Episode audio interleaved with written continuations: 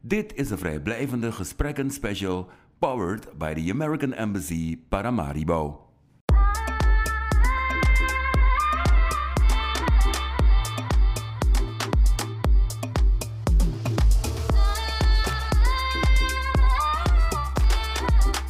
S Talks, de podcast waarin we praten over de verschillende capaciteitsversterkings- en uitwisselingsprogramma's van de Amerikaanse ambassade Paramaribo. We babbelen met de Surinamers die hebben geparticipeerd in die programma's. Ze delen hun ervaringen en vertellen hoe ze de opgedane kennis hanteren in de praktijk. Welkom bij een nieuwe aflevering van SAA Talks. Ready Vincent? Helemaal. En vandaag hebben we op bezoek Shafira Arnhem. Heb ik het goed gezegd? Ja, Shafera L. Arnhem. Waarvoor staat die L? Lorraine. Oké. Nee, ook omdat er, ehm, er iemand is dus met mezelfde naam. Dus eigenlijk Safira Arnhem. En dus toen heb ik mijn L erbij geplaatst, zodat het dus niet in conflict kwam. Oké. Ja, op Facebook vooral. Dan weet je ook direct eh, dat er twee van jullie rondlopen in Suriname. Ja, ehm, ze is wel nu in Nederland, dus eh, ze komt af en toe in Suriname van tijd tot En tijd. jullie zijn familie? Ik heb begrepen naamgenoot, maar Oh. niet dat ik weet dat we echt familie zijn. Nog geen onderzoek daarover gedaan of zo. Oké. Hm, misschien moet je dat doen. ja. Want dat is een deel van je werk geweest, toch? Onderzoek doen. Ja, dus je zegt geweest. ehm, ik ben er inderdaad twee jaar niet actief. Om het even zo te zeggen. Ik ben twee jaar terug, heb ik dus eh, mijn ontslag ingediend bij de SDVS. Dus ik eh, werk dus daar niet meer. En ehm, dus heb ik ook heel netjes... ehm, toen ik de, ehm, lid was van de SVJ, heb ik dus eigenlijk ook gewoon bedankt van hé, hey, ik doe het werk niet meer actief. Dus volgens statuten laat me toch even, weet je, bedanken, zodat ik dan verder even kijk wat ik ga doen. Maar, maar, maar, prikkelt het niet om nog journalistiek werk te doen? Jeuken je handen niet, nog niet ehm, zo gemotiveerd weer om het op te pakken? Ehm, ja, het jeukt sowieso. Ik heb er echt heel veel passie voor. Maar alleen ehm, wil ik het niet meer. Dus sinds ik terug ben van Amerika had ik, en eigenlijk al 2019 zo'n beetje, had ik al zoiets van: ik wil niet echt meer mijn krachten geven aan een mediahuis op zichzelf. Ehm, ik wil dus toch wel een beetje focussen op mijn eigen ding, een project ontwikkelen, maar toch wel blijven in media en journalistiek. Ja, dus het, het, het, ja, het zit er wel in. Voor we naar Amerika gaan, gaan we eerst eh, aan je vragen. Wie is, wie is Shafira Arnhem? Je wilde Safira Shafira- zeggen? Wie is Shafira L. Arnhem? Ja, klopt. Um, Shafira Al Arnhem is een hele ambitieus, ehm, zelfverzekerd ehm, dame die voornamelijk haar core values heeft in vrijheid en integriteit. En eh, ja, eigenlijk ook gewoon een passie voor journalistiek en ja, schrijven een beetje. Wilde je altijd journalist worden? Ja, sinds, eh, ja, ja, echt. Sinds, eh, het is eigenlijk een, een, hoe zeg je het, een meisjesdroom um, om journalist te worden. Ik kan me nog herinneren dat ik, um, ik denk vijf of zes jaar oud was. En mijn oma, ik weet niet als je het kan visualiseren, ik ken die grote stampers, toch? Waarmee je eigenlijk... Ja, waarmee je ehm, dus um, gember of Ja. knoflook... Ja. Ja. maar ze had een hele grote, dus die leek op een microfoon. En toen ik zes jaar oud was, nam ik het. En ja, ik gebruikte het om te zingen. Ik gebruikte het om um, mijn ooms, want mijn oom is uh, uh, dus monteur... En dan ging ik vaak naar ze toe van, "Oh, waarom doe je dit? Waarom moeten we dat doen? Waarom heb je dat daar gezet? En dan werden ze zo boos. En dan, weet je, en ik hield er ook van om verhalen te vertellen, weet je, dus alsof ik het nieuws las voor mijn oma's. Dus ja, dus dat was er wel altijd gebleven. En ik dacht natuurlijk, journalist zijn is alleen vragen stellen. Maar toen ik natuurlijk ehm, op de academie zat en dus gelijktijdig ook voor de STVS werkte, heb ik gezien dat het veel meer is dan dat. En ja, ik vind het nog steeds leuk. Wat is veel meer dan dat? Dus het heeft dan ook veel meer te maken met ehm, niet alleen vragen stellen. Dus ook onderzoek, ook schrijven, ook een beetje productie. Ehm, het heeft ook een beetje te maken met coördinatie. En ehm, ja, dus als je bijvoorbeeld op de nieuwsdienst bent en dan help je coördineren. Dus op een gegeven moment heb ik wel in die tien jaren heel veel meer gedaan dan dus alleen maar vragen stellen, om het even zo te zeggen. Heel mooi. En ehm, je zei het, dat dus die passie komt van heel ver. Wie was jouw, of hoe, eh, wat was je voorbeeld? Wie, wie waren je voorbeelden? Ik weet nog dat ik ehm, het enige voorbeeld waaraan ik dus toen of nog kan denken, want basically heb ik, om eerlijk te zijn, niet per se like, zo gefocust op, oké, ik ga kijken wie de voorbeelden zijn of zo. Maar ik weet wel dat ik Christiana Amanpour um, tegenkwam en ik dus al zag, ja. En ik dacht, wow, ik wil ook daar zijn. En ik had er wel voorgenomen, of althans toen hoor, want nu is het toch een beetje anders. Um, dat ik inderdaad de Christiana Amanpour wilde zijn van de STVS natuurlijk. Maar ja, het is dus anders gelopen. Dus ja, maar het is mooi dus dat je zo'n voorbeeld hebt. En Ja. inderdaad, die doet heel veel onderzoek. En die is ook, laten we zeggen, heel go- goed geschoold. Klopt. En je hebt ook de academie hier gedaan. Ik weet ook dat je afgestudeerd bent in camerajournalistiek. Ja, dat klopt. Ehm, hoe kom je daarop? En eigenlijk, hoe is het gegaan? Want jij bent volgens mij ook de eerste persoon Ja, vanuit de academie, ja. Precies, hoe is dat uh, eraan toe gegaan? Ik weet wel dat ik nu dus niet de eerste, want ik had dat ook wel tijdens mijn um, afstuderen, dat uh, mensen zeiden van oké, ik ben niet de eerste, maar ik zei wel ja, ik ben wel de eerste van de academie, voor zover ik het weet. Um, hoe dat is ontstaan is, ik werkte toen bij de STVS, dus het begon allemaal natuurlijk daar, weet je. Je moet je, je, de plek waar je vanuit komt, moet je toch wel eren en waarderen. En, dus, um, en zoals je eigenlijk ook al weet, had ik een mentor, Henry Strijk. En die komt dus uit Nederland, uh, vaak genoeg hier tijdens de verkiezingen, om dus um, like, verkiezingscampagnes te doen en product, journalistieke producties te creëren tijdens de verkiezingen. En ik weet nog dat hij dus dat aan me voor heeft gelegd. Dat er in Nederland dus al een, een soort van uh, Beweging beweging kwam van dus videojournalisten. En toen heeft hij me gevraagd als ik dus daar interesse in had.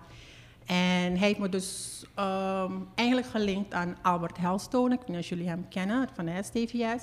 En hij heeft Een me van de bekende cameramannen van ja, STVS. dus hij heeft me onder zijn vleugel gezet um, als camera. En uh, onder editing heeft hij me gezet onder Rino Poirono. Ik weet niet of jullie hem kennen, zijn Japanse heer, ook bij de STVS.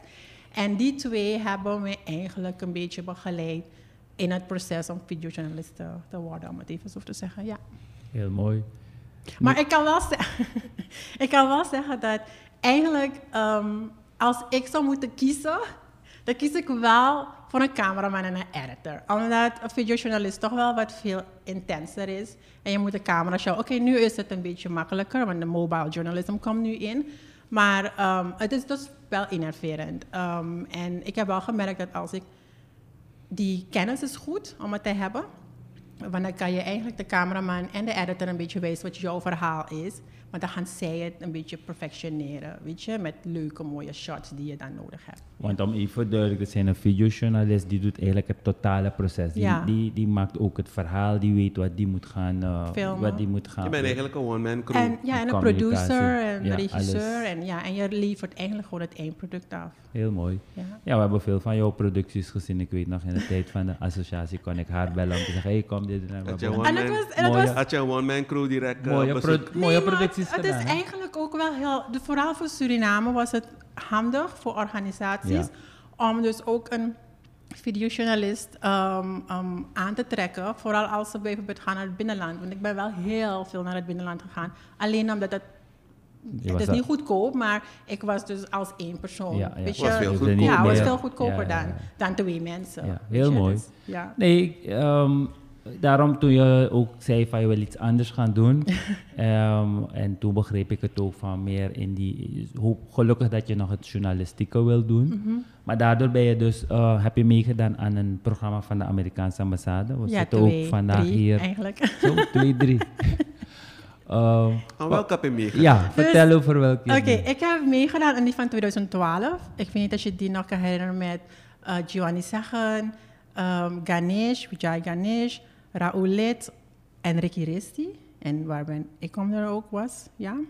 En we zijn toen naar South Dakota gegaan. Voor een weekje. Heel vaag. Ja, het was echt in 2012. Het was echt een week, het was echt kort.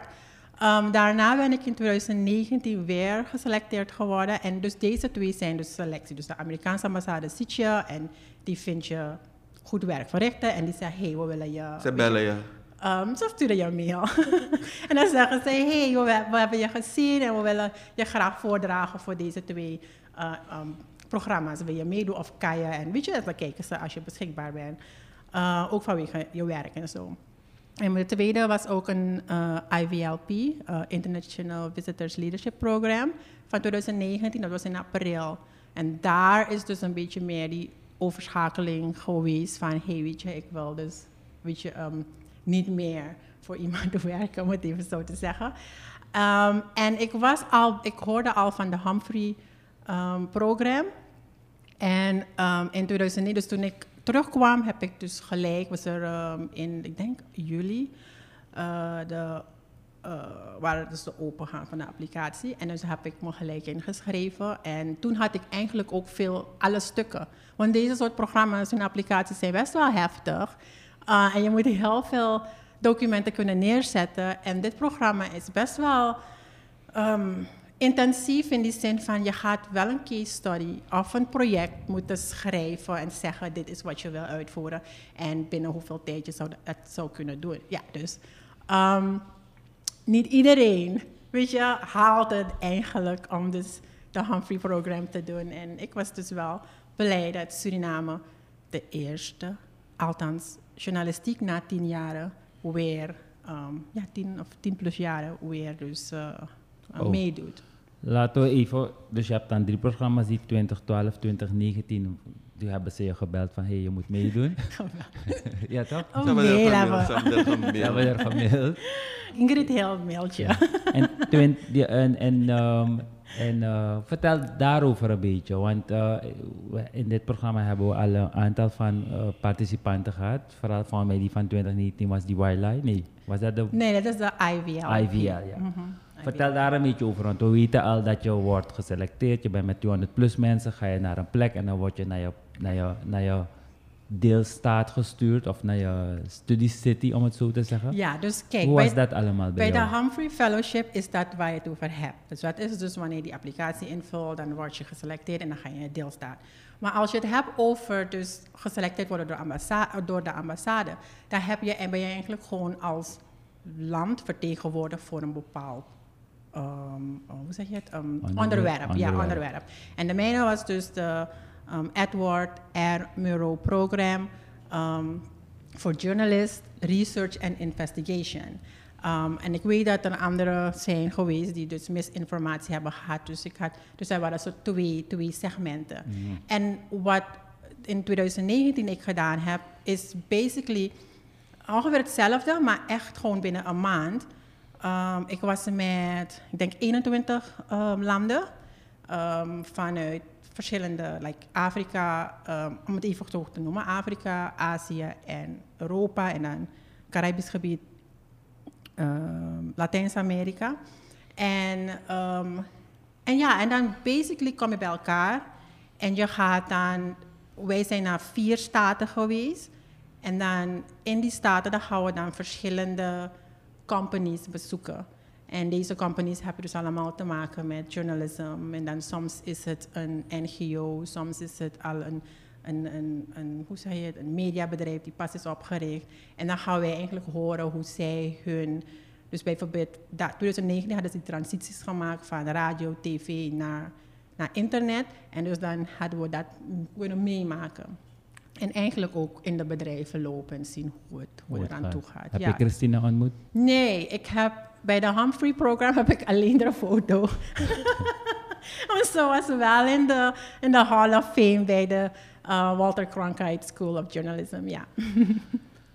en um, van velen horen we dat zulke programma's life-changing zijn. Was dat ook voor jou zo? En hoe, hoe... Ja, dus wat, wat voor mij heel erg belangrijk was tijdens dit programma is...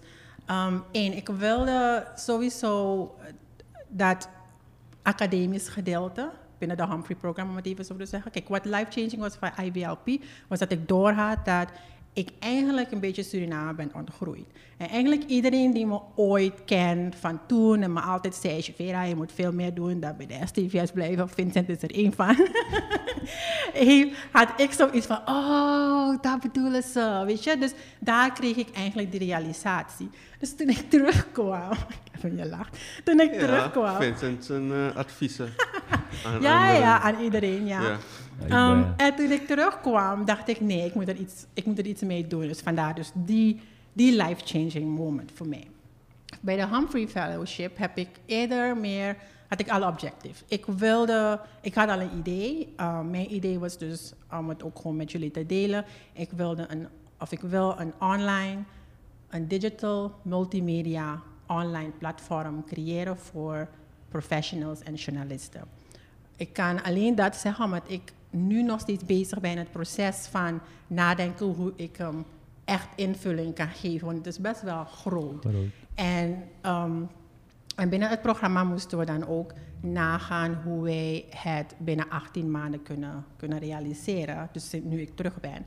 Dus dan moet je, moet je in fases doen. Maar in ieder geval, wat ik dus bij de Humphrey Fellowship wilde, was...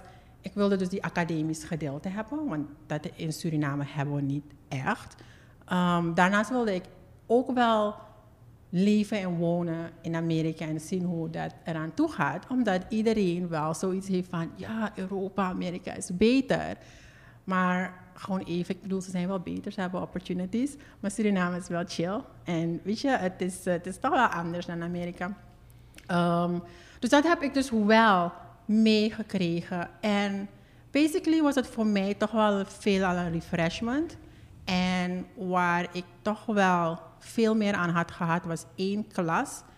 Die ging over 21st Century of Media Organizations en Entrepreneurship. En daar heb ik dus verschillende, dus, ehm, verschillende key sprekers gehoord die NGO's hebben opgezet. En, hoe, en vooral het gedeelte van het ondernemerschap, dus de business. Niet, niet per se content, gewoon business. En dat is best wel, best wel een grote hap. En, en als creatieveling, dus als, als content creator van mijn kant, dan moet je nu wel even kijken, wil je dus echt in de journalistiek blijven qua content creëren, of wil je in de business, Business fase gaan. en hoe ga je dat doen? Dus daar zit ik een beetje mee, want ehm, als ik dus dat, dat platform wil creëren, dan moet ik ook wel zeggen van oké, wat laat ik los en wat laat ik niet los. En hoe zit ik daar tegenin? Want ja, ik, ik, ik heb soms momenten waar ik denk, "Mm, wil ik het wel, weet je, principieel, omdat ik echt journalist wilde zijn. Maar soms kan je het iets opzetten en uiteindelijk het loslaten en dan, weet je, Weer verder ehm, gaan. weer verder gaan of bijdrage leveren aan het product dat je hebt opgeleverd. Dus ik ben een beetje daarmee bezig.